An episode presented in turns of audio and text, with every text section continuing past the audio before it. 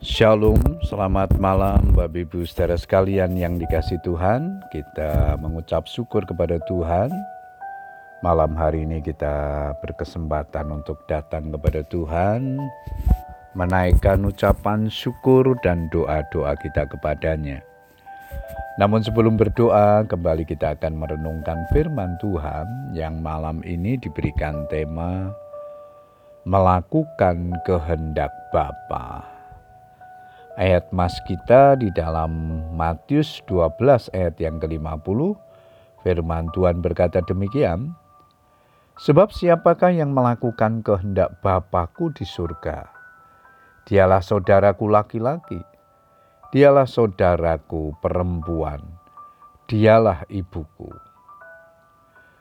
Tuhan Yesus mengatakan bahwa siapa pun yang melakukan kehendak Bapa, akan menjadi bagian dari keluarga kerajaan surga. Bahkan bukan hanya itu saja, yang diminta akan diperolehnya. Dan apa saja yang kita minta, kita memperolehnya daripadanya, karena kita menuruti segala perintahnya dan berbuat apa yang berkenan kepadanya. 1 Yohanes 3 ayat 22 Kunci mengalami penggenapan janji Tuhan adalah tekun melakukan kehendak Tuhan. Sebab kamu memerlukan ketekunan, supaya sesudah kamu melakukan kehendak Allah, kamu memperoleh apa yang dijanjikannya itu. Ibrani 10 ayat 36. Ketekunan berbicara tentang proses waktu yang tidak singkat.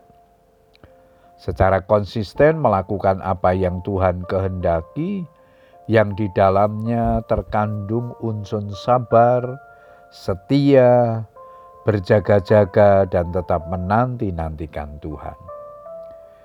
Kristus hanya satu kali saja mengorbankan dirinya untuk menanggung dosa banyak orang.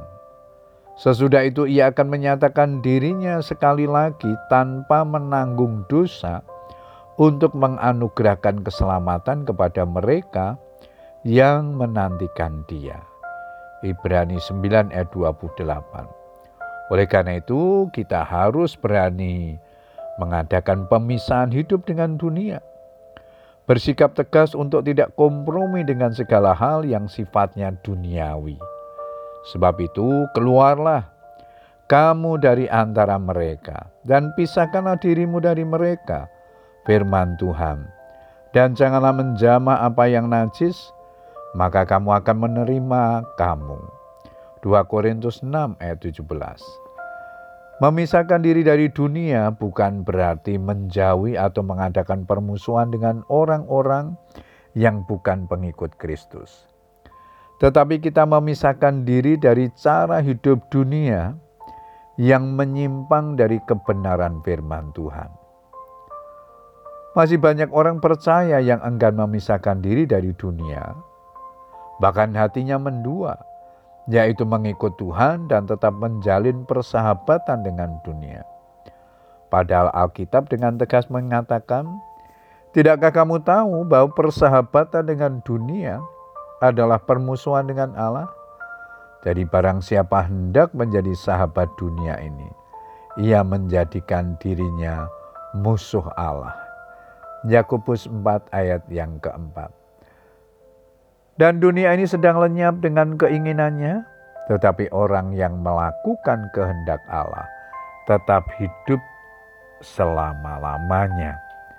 Puji Tuhan Bapak Ibu Saudara sekalian, biarlah kebenaran firman Tuhan yang kita baca dan renungkan pada malam hari ini menjadi berkat dalam hidup kita. Mari kita terus belajar dan berjuang untuk melakukan kehendak Bapa dalam setiap aspek kehidupan kita. Selamat berdoa dengan keluarga kita. Tuhan Yesus memberkati. Amin.